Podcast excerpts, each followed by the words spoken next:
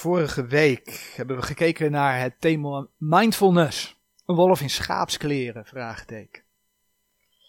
Mindfulness dat tegenwoordig door heel veel mensen toegepast wordt. We zagen de waarschuwing van de Heere God in zijn woord. Bij mindfulness zet je de poort open om je door andere geesten te laten leiden. Aangestuurd door ja, degene die dat wil, dat, en dat is de vijand van God, het is de duivel. Een onderdeel van mindfulness is dat je niet zou moeten oordelen. Je zou dingen moeten observeren zonder daar een waardeoordeel aan te hangen. Dus je moet er geen goed of fout aan koppelen. Maar dat staat haaks op Gods woord, want de Heer zegt juist dat het belangrijk is om het verschil te leren tussen goed en fout. Zodat je op basis van Gods woord leert te onderscheiden. Dat is wat de Heer vraagt, dat je onderscheidt zodat je kunt groeien in geloof. Zodat je staande kunt blijven tegen de listige omleidingen van de duivel. Nou, daar gaat mindfulness de lijn recht tegen in. Logisch ook, want de vijand wil niet dat je dingen kunt onderscheiden zodat je staande kunt blijven. De vijand wil je onderuit kegelen. Nou, als je alleen al in dat ene punt meegaat, doordat je gaat zien van, eh, volgens mindfulness zou gaan zien dat je niet, niet oordeelt, dat je niet de onderscheid zo goed kwaad gaat maken. Weet je, dan haal je bescherming van de Heer weg. Je haalt gewoon je bescherming weg. Nou, vervolgens leer je dan mediteren en dan leer je dus eigenlijk je eigen geest ja, uitzetten. Want dat is wat, wat, mediteren doet. En dan word je gewoon een prooi voor andere geesten. Nou, dat onderscheiden tussen goed en fout is iets wat de Heer dus belangrijk vindt. En dat heeft ook weer te maken met wie de Heer is. Een van de eigenschappen van de Heere God is bijvoorbeeld dat hij rechtvaardig is. In hem is geen zonde, zegt de schrift. Nou, dat heeft te maken met recht. En recht heeft vervolgens weer te maken met oordeel vellen. Dat is ook in het dagelijks leven zo. Als je gepakt wordt omdat je een criminele daad gedaan hebt, ja, dan word je voor het recht gebracht. En omdat je dingen hebt gedaan die niet goed zijn. En de rechter gaat dan oordelen hè, op basis van een wetboek. Dat je fout bezig bent geweest en ja, welke straf daaraan hangt. Althans, dat is de bedoeling. Dat is de bedoeling van het recht. Zo zou de maatschappij in zekere zin rechtvaardig moeten blijven. Nou ja, voor zover dat mogelijk is in een wereld die in het boze ligt. Maar het recht het rechtssysteem is wel een hele bijbelse instelling. Omdat mensen niet rechtvaardig zijn. Ja, zij, zij zijn van nature zondig. In de ogen van de heilige God. Ligt daar dus in besloten dat de rechtvaardige God eens gaat oordelen. We kennen de teksten hè, van het laatste oordeel, openbaring 20, vers 11 tot en met 15. We leven nu in de gemeentetijd. Daarna komt de grote verdrukking als de gemeente weg is. Na de grote verdrukking komt de Heer op aarde. Gaat hij zijn koninkrijk oprichten. En pas aan het eind van het duizendjarig vrederijk komt het laatste oordeel. Te lezen in Openbaring 20, vers 11 tot en met 15. Het oordeel waar je dan leest dat de ongelovigen hè, uit, uit deze gemeentebedeling op basis van hun werken naar de poel des vuurs verwezen zullen worden. Maar we kennen ook de teksten over de rechterstoel van Christus.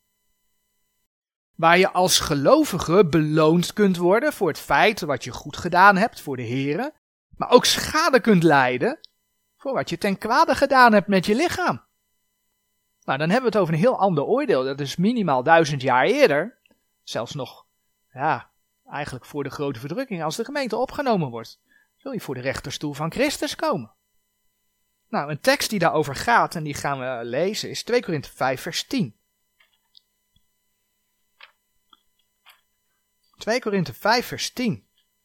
Om te zien dat wij als gemeente weliswaar niet voor het laatste oordeel komen, want we zijn gered. De Heer heeft zijn toren voor ons weggedragen door de Heer Jezus Christus. Maar als christen kom je wel voor de rechterstoel van Christus. En dan zegt 2 Korinthe 5 vers 10 daarover. Want wij allen moeten geopenbaard worden voor de rechterstoel van Christus, opdat een iegelijk wegdragen hetgeen door het lichaam geschiet, nadat hij gedaan heeft, het zij goed, het zij kwaad. Daarom is het zo belangrijk, ook voor je als kind van God, om het onderscheid te zien tussen goed en kwaad. Nou, dat oordeel, dat gaat dus komen op het moment dat de Heer gaat regeren. Nou, een psalm, dat zijn koningschap, dat zijn rechtvaardigheid, dat zijn recht en dat zijn richten noemt, is bijvoorbeeld, het komt in meer psalmen voor, maar is bijvoorbeeld psalm 99. En laten we die psalm lezen. Psalm 99.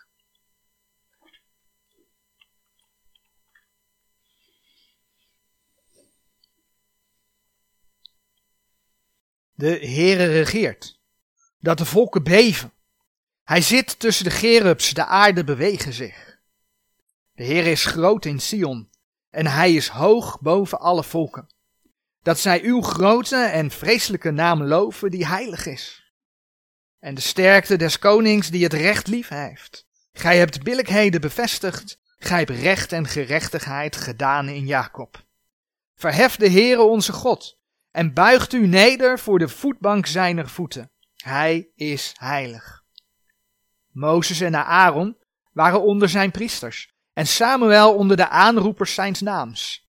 Zij riepen tot de Heere, en hij verhoorde hen. Hij sprak tot hen in een wolkolom. Zij hebben zijn getuigenissen onderhouden en de inzettingen die hij hun gegeven had.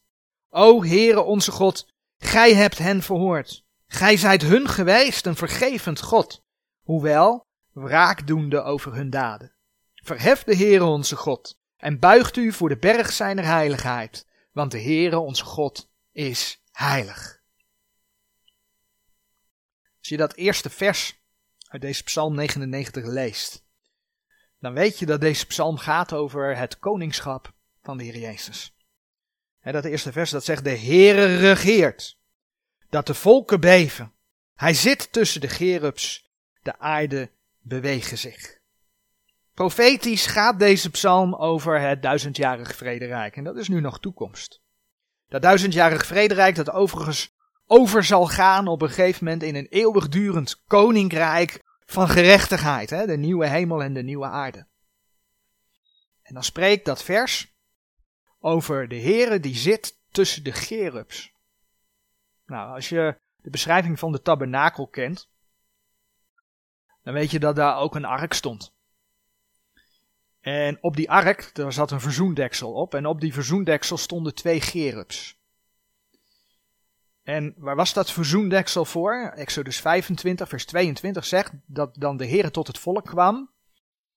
En dat hij vanaf dat verzoendeksel, van tussen de twee gerubs, met hen sprak. Dat deed hij van tussen de gerubs uit. Maar in de hemel zie je precies hetzelfde. In de hemel zit de Heere op zijn troon en daar bevindt hij zich tussen de gerubs. Als je openbaring 4 erbij pakt. Openbaring 4 eh, vers 6 tot en met 9. Dan lezen we daar het volgende. Openbaring 4 vers 6 tot en met 9. En voor de troon was een glazen zee, kristalgelijk. En in het midden des troons en rondom de troon vier dieren, zijnde vol ogen van voren en van achteren. En het eerste dier was een leeuw gelijk, en het tweede dier een kalf gelijk, en het derde dier had het aangezicht als een mens, en het vierde dier was een vliegende arend gelijk.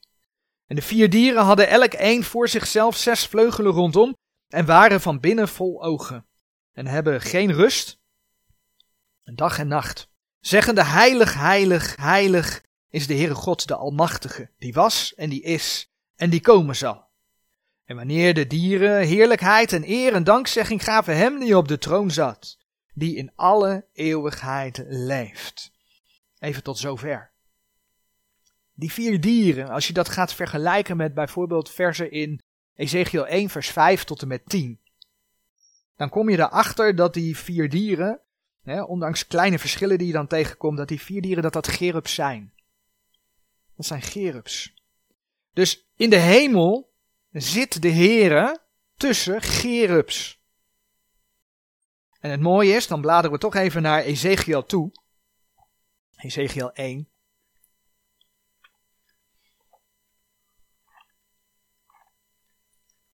Het mooie is dat Ezekiel 1, vers 26 dan de troon beschrijft. Met daarop de gedaante eens mensen. En dan moet je dus eigenlijk voorstellen dat dat naar de aarde toe komt. Want Ezekiel ziet dat aan hem geopenbaard worden als hij op aarde is. Want uh, Ezekiel, dat lees je in Ezekiel 1, vers 3. Hij was bij de rivier Gebar. En de hand des Heren was daar op hem. En daar ziet hij dan een stormwind van het noorden afkomen. Dus dat komt naar hem toe. En dan ziet hij onder andere die vier dieren. Maar ook de troon ziet hij dan op een gegeven moment. En dan lees je in vers 26 dat die troon, dat daarop de gedaante eens mensen zit. Nou, dat moet dan de engel des Heren zijn. En de engel des Heren is in het Oude Testament, ik ga daar nu niet heel diep op in, maar een verschijning van de Heer Jezus Christus. Dus eigenlijk wordt hier de komst van de Heer Jezus beschreven. En dan lees je in vers 26. En boven het uitspansel, het welk was boven hun hoofden, was de gelijkenis eens troons, als de gedaante van een saffiersteen. En op de gelijkenis des troons was de gelijkenis als de gedaante eens mensen, daarboven op zijnde. En dan lees je in vers 28 nog, gelijk de gedaante van de boog die in de wolk is ten dagen des plasregens. Alzo was de gedaante van de glans rondom. Dit was de gedaante van de gelijkenis der heerlijkheid des Heren. En als ik het zag, viel ik op mijn aangezicht, en ik hoorde een stem van een die sprak. Ja, daaruit mag je opmaken dat als de Heere komt, dat zijn troon ook gedragen wordt door vier gerubs. Dat is wat de schrift laat zien. Bladeren we terug naar Psalm 99.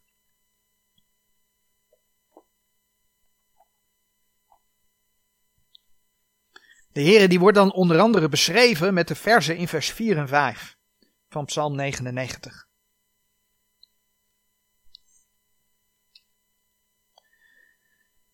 Laten we nog even vanaf vers 3 lezen. Dat zij uw grote en vreselijke naam loven, die heilig is, en de sterkte des konings, die het recht lief heeft. Gij hebt billijkheden bevestigd, gij hebt recht en gerechtigheid gedaan in Jacob. Verheft de Heer onze God en buigt u neder voor de voetbank zijner voeten. Hij is heilig. Hij is de koning. Hij heeft het recht lief. Zoals we net al kort eigenlijk even zagen, is, is de gemeente, als de Heer gaat regeren, is de gemeente reeds geoordeeld. Beoordeeld, zo je wil. Maar ook dan zal hij oordelen als hij terugkomt. aan het begin van, van het duizendjarige vrederijk heb je het oordeel over de volken. Zullen de volken geoordeeld worden over hoe ze Israël behandeld hebben in de grote verdrukking. En dat is dus ook een reden, even naar de discussie van voor de preek, toe om wel achter Israël te staan. Hoe Israël ook zich nog moet bekeren. Maar de volken zullen geoordeeld worden op hoe zij Israël behandeld hebben. Maar ook aan het eind van het duizendjarig vrederijk, daar heb je het, het laatste oordeel. Dus dat gaat plaatsvinden. Maar in die tijd heeft de Heer dus recht en gerechtigheid gedaan in Jacob, in Israël. En ja, wat houdt dat dan in dat de Heer recht en gerechtigheid heeft gedaan? Nou, ga Deuteronomium 28 lezen over de, de vloek en de zegen die de Heere God Israël heeft voorgehouden. Nou, dan weet je dat Israël gestraft is vanwege de vloek van de wet. Omdat ze de Heer de rug toegekeerd hadden. Maar op het moment dat zij tot bekering komen, dat zij ja, de Heere gaan naleven, worden zij gezegend door de wet. Want dat is wat de Heer beloofd heeft. Maar ook op dat moment, aan het eind van die grote verdrukking, omdat zij de Heer Jezus Christus als hun persoonlijke verlosser hebben aangenomen. Eigenlijk zie je door die psalmen heen dat het over Israël gaat.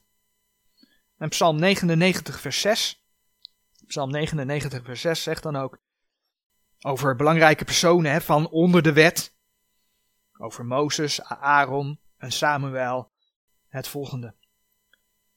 Mozes en Aaron waren onder zijn priesters en Samuel onder de aanroepers zijns naams. Zij riepen tot de Heere en hij verhoorde hen. Dus we hebben het over Israël en profetisch ziet het op de toekomst. de toekomst van Israël. En de volken overigens, want we lazen in vers 1, de Heere regeert dat de volken beven. Maar in principe is, ja, is Israël hier centraal. En dan is dus de vraag, kun je nu behalve het zien van Gods profetische plan, ook als gemeente in deze gemeentetijd iets met deze psalm? Kun je daar iets uit leren? Waarom stel ik die vraag? Onlangs citeerde ik iemand het Oude Testament. En wat ik onder andere aanhaalde uit Gods woord was Spreuken 9 vers 10. En laten we dat vers maar even lezen, Spreuken 9 vers 10. Ik vind het een heel mooi vers. En dat gaat over de vrees Gods. Spreuken 9 vers 10. De vrezen des Heren is het beginsel der wijsheid. En de wetenschap der heiligen is verstand. Onder andere dat vers citeerde ik, ja, en prompt kreeg ik het antwoord dat we niet meer onder het Oude Testament leven en dat de wet opgeheven is. En met betrekking tot Gods vrezen, ja, in Jezus Christus is de Heere God onze Vader. Dus als kinderen van God hoeven we Hem niet te vrezen. Er staat meer in, maar eh, dat is de globale strekking van wat ik als antwoord krijg. Nou weet je, het is waar dat de Heere God in Christus onze Vader is. Dat klopt. Maar betekent dat ook dat wij Hem niet zouden moeten vrezen, omdat Hij onze Vader is? Nu is het ook waar dat we de schriften recht moeten snijden. Hè? De opdracht in 2 Timotheus 2 vers 15. We moeten Israël geven wat Israël toekomt. We moeten de heidenen geven wat de heidenen toekomt. We moeten de gemeente geven wat de gemeente toekomt. Dat klopt. Maar betekent dat dan dat we niets meer kunnen leren van het Oude Testament? Ik bedoel, in de brieven zien we bijvoorbeeld wel degelijk dat de Heere God Israël als voorbeeld geeft. Hij noemt het letterlijk hè, in 1 Korinthe 10, vers 6 en 11, dat de geschiedenis van Israël ons als voorbeeld is gegeven. Dus klaarblijkelijk kunnen wij daar dingen van leren. En daar komt bij dat ook in het Oude Testament de Heere God zichzelf openbaart. En ondanks dat dan door de tijd heen zijn handelen met de mens wijzigt, zijn handelen met de mens verandert, daarom moet Gods woord recht gesneden worden. En dat laat hij zien in zijn woord. Ondanks dat is die God die zich geopenbaard heeft al reeds in dat Oude Testament altijd dezelfde God. Hebreeën 1 vers 12. Dus blijkbaar, als je die feiten op een rij zet, kunnen wij wel degelijk ook vandaag de dag dingen leren uit het Oude Testament. Een voorbeeld wat ik wel vaker gegeven heb, is het voorbeeld van de Sabbat. Laten we naar Exodus 31, vers 13 bladeren. Israël kreeg onder de wet de nadrukkelijke opdracht om de Sabbat te houden. En een voorbeeld waar je dat leest is Exodus 31, vers 13. Waar we lezen: Gij nu spreekt tot de kinderen Israël, zeggende: Gij zult evenwel mijn sabbatten onderhouden, want dit is een teken tussen mij en tussen u lieden bij uw geslachten. Opdat men wete dat ik de Heere ben die u heiligt. Laten we vers 14 even lezen. Onderhoud dan de Sabbat, terwijl hij u lieden heilig is. Wie hem ontheiligt, zal zekerlijk gedood worden. Want een ieder die op dezelfde enig werk doet, die ziel zal uitgeroeid worden uit het midden harer volken. Nou, dat is wel een heel nadrukkelijke opdracht hè, die Israël had. Heel duidelijk. Als gemeente van Jezus Christus houden we de Sabbat niet. En dat is niet per definitie omdat de Heere omdat alles van de wet ongedaan gemaakt is.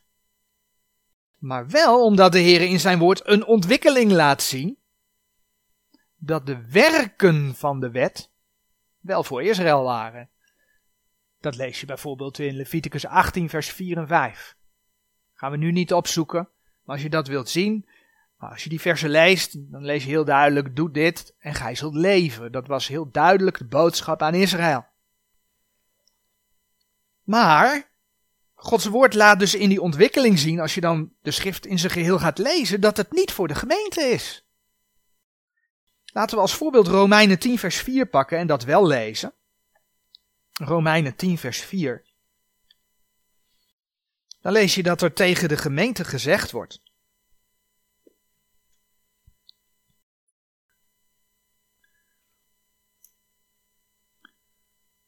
Want het einde der wet is Christus, tot rechtvaardigheid een iegelijk die gelooft. Want het einde der wet is Christus. Heel belangrijk om hierbij op te merken, want hier komt dus ook de uitspraak vandaan dat de wet opgeheven is. Daar staat tot rechtvaardigheid. En dat heeft met de werken der wet te maken. Dat je die doet en dat je dan rechtvaardig zou worden. Dat is dus niet voor de gemeente. En heel specifiek voor de speciale dagen, hè, als bijvoorbeeld de Sabbat, kom je dan bijvoorbeeld in Colossense 2, vers 16 en 17 het volgende tegen. We hebben net gelezen hoe nadrukkelijk de opdracht voor Israël was. En dan lees je in Colossense 2, vers 16 en 17 aan de gemeente het volgende. Dat u dan niemand oordelen in spijzen of in drank, of in het stuk des feestdags, of der nieuwe maan, of der sabbaten, welke zijn een schaduw der toekomende dingen. Maar het lichaam is van Christus. Dit laat zien dat de speciale dagen, inclusief de Sabbaten, dat die niet voor het lichaam van Christus zijn. Die zijn niet voor de gemeente. Wij mogen er nu dingen van leren voor de toekomst. Het laat iets zien van wat er in de toekomst gaat gebeuren. Maar hoe zit het dan met de andere inzettingen van de wet? Nou, heel mooi, lees je dan eh, in Efeze 2, vers 15 en 16. Efeze 2, vers 15 en 16. Gaat over het werk wat de Heer Jezus gedaan heeft aan het kruis.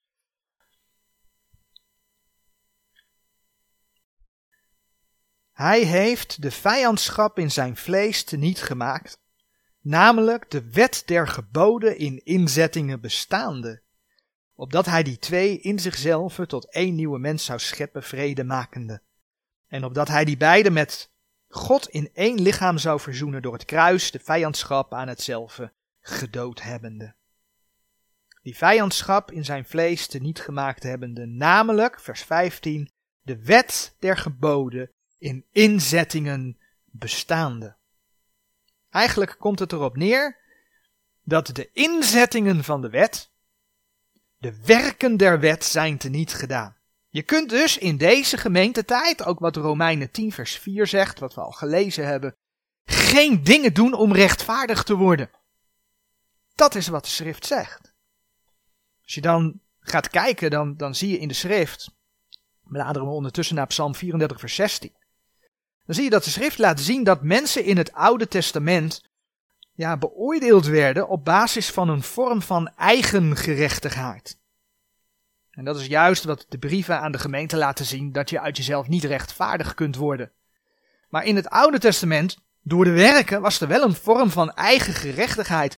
En daarom lees je regelmatig in de psalmen dat de gelovigen aangesproken werden als de rechtvaardigen. Psalm 34, vers 16 even als voorbeeld.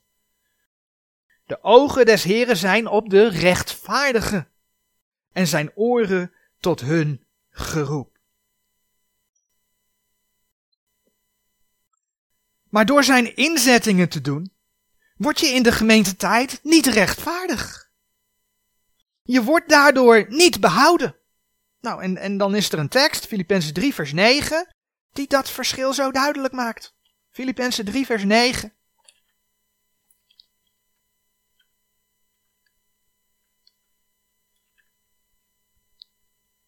Waar we lezen en in hem gevonden worden, niet hebbende mijn rechtvaardigheid die uit de wet is, maar die door het geloof van Christus is, namelijk de rechtvaardigheid die uit God is door het geloof. Hier wordt dus mijn rechtvaardigheid uit de wet geplaatst tegenover de rechtvaardigheid die uit God is door het geloof. En dat is een verschil tussen het Oude Testament onder de wet en de gemeente in deze gemeentetijd. Een verschil dat de Heer God in zijn woord uitlegt. Dat heeft te maken met een ontwikkeling van de tijd. De Heer openbaart zich aan Israël in het Oude Testament zo. En in de gemeente laat hij zien dat zijn handelen met de mens gewijzigd is. Maar dat betekent dus niet dat je van alles wat je leest in het Oude Testament zomaar kunt zeggen: Oh, maar dat is het Oude Testament. En dat is wat we als christenen veel al wel doen. Althans, ik kom het veel tegen. Een manier om te onderscheiden of je iets letterlijk op jou als kind van God kunt betrekken. Ik heb die twee punten samengevat op de dia. Is door te kijken of de Heer zijn handelen met de mens voor de gemeentetijd niet aangepast heeft. We hebben het voorbeeld van de Sabbat gezien. En bij de Sabbat heeft de Heer zijn handelen met de mens dus gewijzigd. Daar heeft hij dat wel gedaan. De Sabbat is dan ook geen inzetting voor de gemeente. Maar er zijn andere dingen waar de Heer dat niet wijzigt. En sterker nog, regelmatig bevestigde de Heer dingen uit de wet in de brieven aan de gemeente. En ik ga een voorbeeld geven. Laten we naar de tien geboden bladeren in Exodus 20.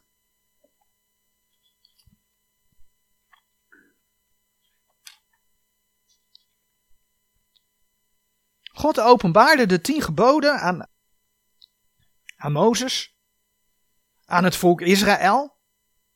En een van die geboden in Exodus 20, vers 13 luidt: Gij zult niet doodslaan.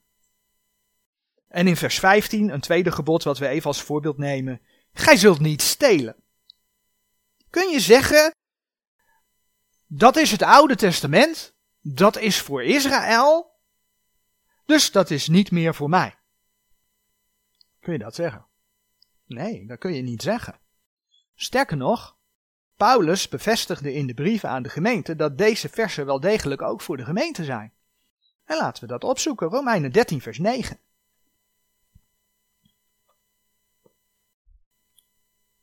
Romeinen 13, vers 9 zegt: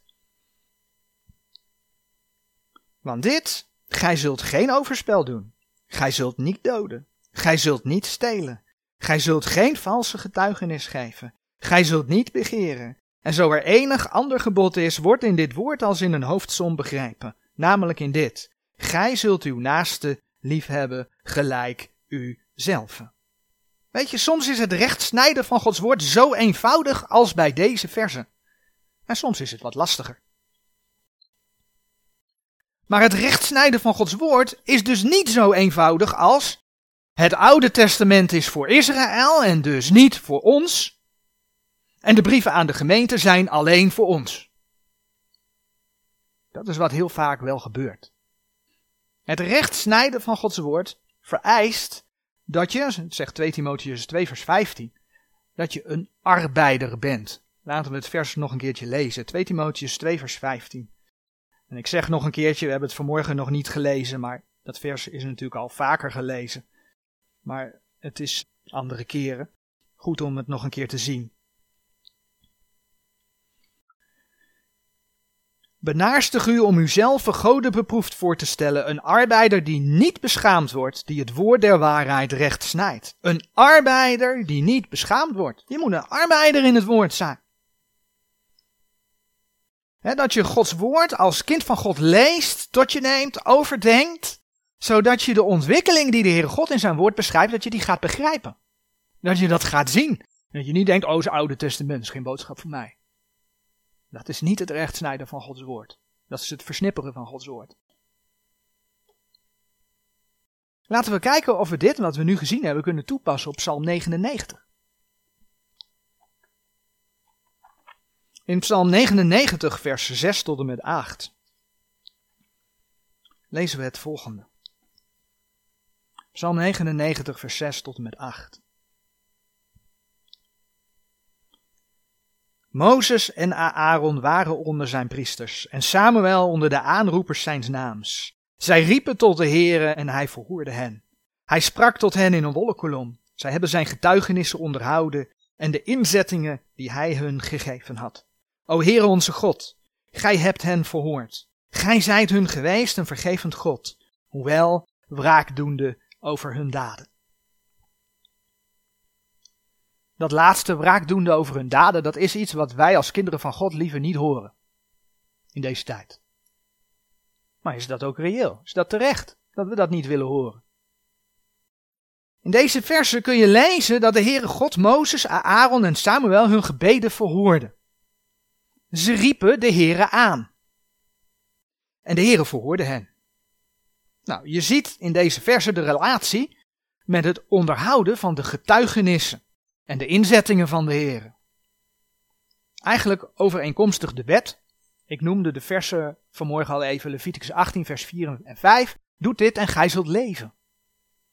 Oftewel, de zegen van Deuteronomium 28. En als ze dus niet zouden doen, de vloek van Deuteronomium 28. Nou, Mozes, Aaron en Samuel deden dat dus wel. Tot op zekere hoogte, want ook zij waren mensen. Maar dat heeft er dus toe geleid dat zij onder de wet bijvoorbeeld als rechtvaardig gezien werden. Nou, dat geldt dus niet voor de gemeente. Dat je door zijn woord te onderhouden rechtvaardig bent. Dat geldt niet voor de gemeente. En toch, en toch. Toch vraagt de Heere van je als gelovige in deze gemeentetijd om te leven naar zijn woord. Dat is wat de Heere vraagt. Kijk maar in 2 Timotheus 3, vers 14 tot en met 17. Een brief aan de gemeente. Om alle verwarring te voorkomen, citeren we nu even een brief aan de gemeente. Om een directe opdracht te lezen. 2 Timotheus 3 vanaf vers 14. Maar blijf gij in hetgeen gij geleerd hebt en waarvan uw verzekering gedaan is, wetende van wie gij het geleerd hebt. En dat gij van kinds af de heilige schriften geweten hebt, die u wijs kunnen maken tot zaligheid. Door het geloof, het welk in Christus Jezus is. Al de schrift is van God ingegeven en is nuttig tot lering, tot wederligging, tot verbetering, tot onderwijzing, die in de rechtvaardigheid is, opdat de mens Gods volmaakt zij, tot alle goed werk volmaaktelijk toegerust. Dus alleen als je blijft in al de schrift, kun je door de Heer volmaaktelijk toegerust worden. Romeinen 8 vers 13 zegt,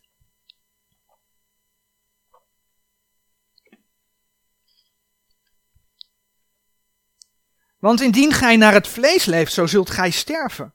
Maar indien gij door de geest de werkingen des lichaams doodt, zo zult gij leven. Met andere woorden, als je bewust tegen de Heer en zijn woord in blijft gaan, ja, dan kan de Heer je als uiterste consequentie, kan hij je thuis halen. En nee, als kind van God ga je niet verloren. Maar je kunt wel je leven op aarde verliezen. Dus ja, de Heer heeft je in Christus vergeven. Je bent behouden als kind van God. Hij reinigt je zelfs van je zonde als je ze beleidt. Maar blijkbaar vergeldt hij je ook als je niet naar hem luistert. Zo niet hier in dit leven, zoals beschreven in Romeinen 8, vers 13, dan wel voor de rechterstoel van Christus. Omdat je het kwade moet wegdragen en daar schade voor leidt in de eeuwigheid. En daar zie je dan de toepassing van Psalm 99, vers 8. Psalm 99, vers 8. Waar geschreven staat. Het laatste stukje van dat vers. Hoewel wraakdoende over hun daden. Zie je hoe voorzichtig je moet zijn met zeggen: Oh, dat is het Oude Testament. Maar dan die vrees. Dan die vrees. Psalm 99, vers 3 zegt: Dat zij uw grote en vreselijke naam loven, die heilig is. Gods naam wordt een vreselijke naam genoemd hier. Psalm 99, vers 1 zegt dat de volken beven. Daar spreekt uit dat de Heere te vrezen is. Psalm 99, vers 5 zegt: Verhef de Heere onze God en buigt u neder voor de voetbank zijner voeten. Hij is heilig. En ja, profetisch wijst dit op de toekomst dat alle volken hem zullen eren en dienen in het duizendjarig vrederijk. Als voorbeeld, Zacharia 14, vers 16 schrijft daarover dat het gaat gebeuren. Zacharia 14, vers 16. Als je de context gaat lezen, dan zie je dat het over de wederkomst van de Here gaat en dat hij gaat regeren als koning. En dan staat er in Zacharia 14, vers 16, en het zal geschieden dat al de overgeblevenen van alle heidenen die tegen Jeruzalem zullen gekomen zijn, die zullen van jaar tot jaar optrekken om aan te bidden de koning, de Here der heerscharen, en om te vieren het feest der loofhutten. Dat is profetisch gezien wat er gaat gebeuren. Zo zien we dat Gods vrees blijkbaar een rol speelde in het Oude Testament, maar blijkbaar ook in de toekomst. Maar is vrees in het leven van het kind van God vandaag de dag op zijn plaats? En dan bedoel ik, want je hebt verschillende vormen van vrees, dan bedoel ik de vrezen Gods. Nou, een vers dat wel aangehaald wordt om dat te ontkennen, is 1 Johannes 4, vers 18. Laten we dat opzoeken. dus dat is een vers, 1 Johannes 4, vers 18, wat men dan aanhaalt om te laten zien dat vrees in het leven van het kind van God niet op zijn plaats is.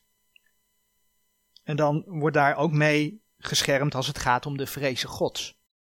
En Johannes 4, vers 18 is: Er is in de liefde geen vrees.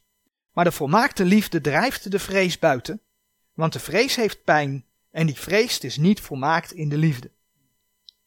Wanneer je dit vers alleen ziet, dan zou je inderdaad denken, hè, als kind van God, dat vrees ten alle tijden uit de boze is. Punt. Maar kijk nou eens in de directe context. 1 Johannes 4, vers 17. 1 Johannes 4, vers 17. Hierin is de liefde bij ons volmaakt, opdat wij vrijmoedigheid mogen hebben in de dag des oordeels. Ha. Namelijk dat gelijk hij is, ook wij zijn in deze wereld. De vrees staat in de context van de dag des oordeels. En het mooie is, als kind van God, als je Jezus als je persoonlijke verlosser kent, weet je, dan kom je helemaal niet bij dat laatste oordeel. Dat betekent dat je door de liefde van God in Christus, Romeinen 5 vers 8 tot en met 10, kun je daarop naslaan. Dat je door de liefde van God in Christus, hè, dat Hij zijn zoon gezonden heeft, want dat is zijn liefde, die voor jou gestorven en opgestaan is, dat je behouden bent van Gods toorn. Dat is Gods liefde. Daardoor heb je vrijmoedigheid in de dag des oordeels, want weet je, je komt niet voor dat laatste oordeel. Je hebt geen vrees voor die dag des oordeels. Een ander vers, dat ook wel aangehaald wordt om te zeggen dat we geen vrees gods moeten hebben, is Romeinen 8, vers 15 en 16. Laten we ook die lezen. Want gij hebt niet ontvangen de geest der dienstbaarheid wederom tot vrezen. Maar gij hebt ontvangen de geest der aanneming tot kinderen, door welke wij roepen Abba Vader. Dezelfde geest getuigt met onze geest, dat wij kinderen Gods zijn. We hebben dus niet een geest tot vrezen ontvangen, maar de geest der aanneming tot kinderen. Betekent dit dan dat de vrees naar God niet op zijn plaats zou zijn in deze verse. Weet je, dat is niet wat er staat. Men gebruikt het er wel voor, maar het staat er niet. De context in Romeinen is veelal het leven naar de wet en hoe zich dat verhoudt naar Jezus Christus. Onder de wet wist je niet of je genoeg van de wet gehouden had om gered te zijn.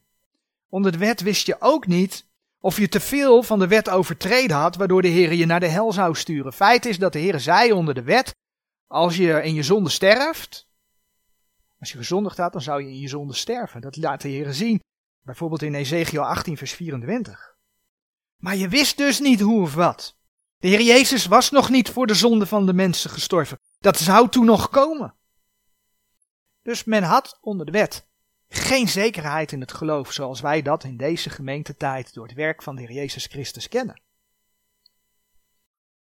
En de directe context hier in, in Romeinen 8, vers 15 en 16, hè, van het niet ontvangen den geest tot vrezen, is dat je als kind van God aangenomen bent. Daarom hoef je niet te vrezen. Je hoeft niet bang te zijn dat je verloren gaat als kind van God, als je de Heer Jezus als je persoonlijke verlosser kent. Je hoeft niet bang te zijn dat je in de hel komt, En weet je, als kind van God hoef je zelfs niet bang te zijn voor de omstandigheden. Zelfs dat. Kijk maar in 2 Timotheus 1, vers 7 en 8. 2 Timotheus 1, en dan lezen we vers 7 en 8. Want God heeft ons niet gegeven een geest der vreesachtigheid, maar der kracht en der liefde en der gematigdheid. dus geen geest der vreesachtigheid. En wat levert dat op? Schaam u dan niet voor de getuigenis onze Heren, noch voor mij, die zijn gevangene ben, maar leid verdrukkingen met het evangelie naar de kracht Gods. Wees niet bang, zeggen deze versen. Dus schaam je niet voor het getuigenis van de Heere en leid verdrukkingen voor het evangelie, want de Heere zal je kracht geven. Dus je hoeft niet bang te zijn in de dingen die je tegenkomt. Maar dat zegt dus helemaal niets over een eventuele vrees naar de Heere God. Maar hoe zit het dan met die vrezen Gods? Als we naar Exodus 20 bladeren opnieuw. In het verleden heb ik daar wel eens bij stilgestaan. Bij de geschiedenis dat de Heere God naar de berg afkwam. En dat er donder en bliksem was. En dat het volk daardoor vreesde. Dat was bij de wetgeving op de Sinai. En toen zei Mozes tegen het volk het volgende in Exodus 20, vers 20. En Mozes zeide tot het volk: Vreest niet. Want God is gekomen opdat hij u verzocht en opdat zijn vrezen voor uw aangezicht zou zijn, dat gij niet zondigdet. Aha. Vrees niet. Maar vervolgens wel, opdat zijn vrezen zou zijn voor uw aangezicht, dat gij niet zondigdet. Je kunt daar ook Exodus 19 vers 16 bij opzoeken. Weet je, dat geldt vandaag de dag net zo. Enerzijds hoef je de Heer niet te vrezen, want als kind van God mag je weten dat je door Jezus Christus vrede hebt. Vrede hebt met God. Anderzijds is het die grote God die zichzelf openbaart. die God die hemel en aarde geschapen heeft, maar die hemel en aarde ook laat beven en vergaan. En dat is nog toekomst, dat vergaan van de aarde. Maar het gaat wel gebeuren. 2 Petrus 3, vers 10 schrijft er bijvoorbeeld over. Het is die God die oordeelt. Ja, de ongelovige naar de poel des vuurs, maar ook als gelovige kom je voor de rechterstoel van Christus. Vrees voor God maakt dat mensen hem aannemen, maar vrees voor God maakt ook dat mensen als kind van God hem dienen. En dat is wat de schrift laat zien. Zo is het gewoon. En waar ik dan vandaag mee af wil sluiten, is een aantal versen opzoeken. In de schrift. En dan wel in de brieven aan de gemeente. Hè? Dus die versen die gewoon richting ons gericht zijn. Richting jou gericht zijn. Zodat we zien dat de vrees naar God wel degelijk belangrijk is. En dan beginnen we bij Romeinen 11 vers 20. Romeinen 11, vers 20. Waar we lezen: Het is wel, zij zijn door ongeloof afgebroken, en gij staat door het geloof. Zijt niet hooggevoelende, maar vrees. Bam, daar staat het. Dat is een opdracht. Wees niet hooggevoelende, maar vrees. De context is Israël, hè, die nu tijdelijk door de Heer terzijde is gezet. En dat het geloof tot de heidenen gekomen is. En weliswaar betreft dit vers niet individuele gelovigen. Maar toch staat hier, zijt niet hooggevoelende, maar vrees. Blijkbaar is vrees op zijn plaats. Gaan we nu een vers opzoeken dat wel de individuele gelovigen aangaat. We bladeren naar 2 Korinthe 7 vers 1. Terwijl wij dan deze belofte hebben, geliefde, laat ons onszelf reinigen van alle besmetting des vleeses en des geestes, voleindigen de heiligmaking in de vrezen Gods. Opnieuw, het staat er gewoon. Voleindigende de heiligmaking in de vrezen Gods. De Heere roept je op jezelf te reinigen. En daarmee de heiligmaking in de vreze Gods te voleindigen. als je zondigt en je ontdekt dat door het lezen van Gods woord, dan beleid je dat. En dan vergeeft de Heer je alle ongerechtigheid, zegt 1 Johannes 1 vers 9. Hij reinigt je. Hij maakt je schoon door het vergrote bloed van de Heer Jezus. dat heeft niets met je behoud te maken, maar heeft wel met heiligmaking te maken. Met het uitzicht op loon en kroon in de eeuwigheid. Als je dat niet doet, dan heb je wat weg te dragen voor de rechterstoel van Christus. Heb je kans dat je schade leidt. 1 Korinthe 3 vers 15. Dit vers, 2 Korinthe 7 vers 1, laat dus zien dat je door de vreze gods aangezet wordt tot heiligmaking. Dus hoezo zouden wij als gemeente niet in de vreze gods moeten leven? Bladeren we een stukje terug, handelingen 9 vers 31. Dan zien we dat de eerste christenen zich verspreiden. En dan lezen we daarover het, het volgende. De vrees gods was de levenshouding van de eerste christenen. Handelingen 9 vers 31. De gemeente dan door geheel Judea en Galilea en Samaria hadden vrede en werden gesticht en wandelende in de vrezen des Heren en de vertroosting des Heilige Geestes werden vermenigvuldigd. Zij wandelden in de vrezen des Heren en de vertroosting des Heilige Geestes. Wauw. En dat zijn echt niet de enige versen. We bladeren door naar Efeze 5 vers 21. Efeze 5 vers 21. Heel kort vers. Elkander onderdanig zijnde in de vreze Gods.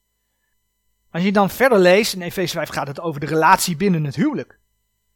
Dat man en vrouw elkaar op de juiste wijze behandelen volgens Gods normen, heeft dus te maken dat je vrezen hebt ten opzichte van God.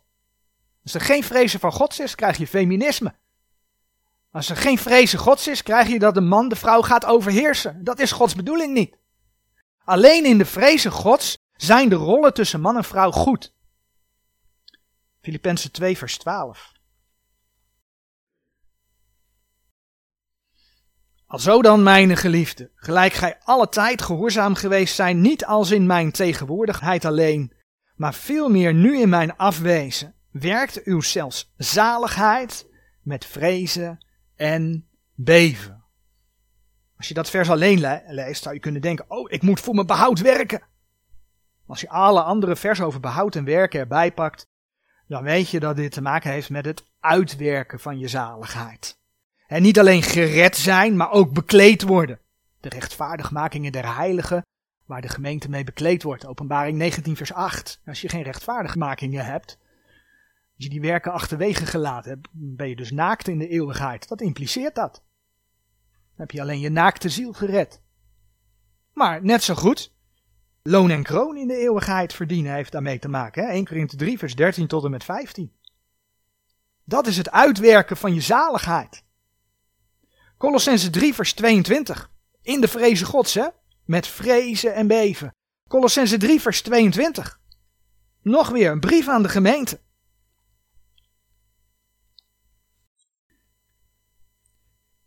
Gij dienstknechten zijt in alles gehoorzaam uw heren naar het vlees, niet met ogendiensten als mensenbehagers, maar met eenvoudigheid des harten, vrezende God. Ja, het staat er. En in de context, vers 24 van Colossense 3, vind je dan de vergelding der erfenis. Als je niet onderdanig wil zijn, zegt God, ja, dan gaat er iets mis met die erfenis. Want God wil dat je onderdanig bent. Het heeft te maken met het vrezen van God. Als je dat gaat wegpraten, de vrees Gods, als je al die versen zo een rijtje ziet, dat die vrezen gods wel degelijk een rol speelt. Als je dat dus gaat wegpraten en iets gaat bedenken, waardoor je de vrees gods niet meer hoeft te lezen, ben je dus Gods woord aan het aanpassen. Aan je eigen inzicht en aan je eigen idee. Omdat je denkt dat je als kind van God God niet hoeft te vrezen. De schrift spreekt duidelijk. Meerdere versen. De vrezen des Heren of de vrezen Gods is dus niet typisch iets van de wet. Weet je, het is een houding ten opzichte van een heilige God. Zoals Psalm 99, vers 9 zegt. Psalm 99, vers 9. Verhef de Heere onze God en buigt u voor de berg zijner heiligheid. Want de Heere onze God is heilig. Weet je, het is een klein maken voor een heilige God.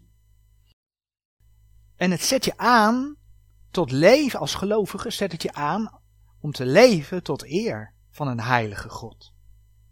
Nou, nu we weten dat de versen over de vrezen des Heer in het Oude Testament ook op onszelf van toepassing zijn,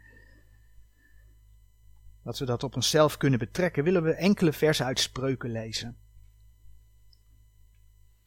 Als je dus dat niet herkent, zet je al die spreuken die we nu gaan lezen eigenlijk aan de kant. Terwijl ze zo mooi zijn. Moet je kijken wat de Heer zegt over het vrezen des Heren. De Heer zegt in Spreuken 2 vers 5. Dan zult gij de vrezen des Heren verstaan en zult de kennis Gods vinden. Spreuken 2 vers 5 gaat over het zoeken van de wijsheid, van Gods wijsheid. Als je dat zoekt, dan zul je de vrezen des Heren verstaan en zul je de kennis van God vinden.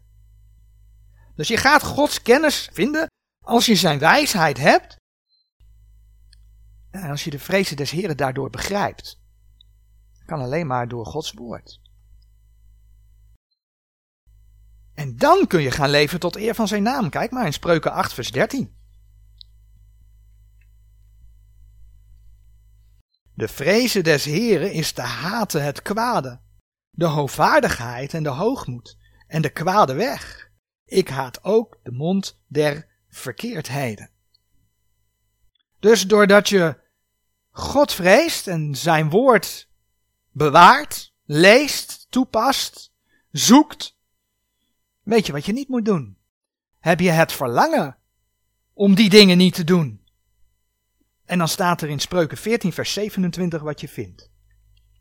Spreuken 14, vers 27 wat je vindt. De vrezen des Heren is een springader des levens, om af te wijken van de strikken des doods. Je vindt dus een springader des levens.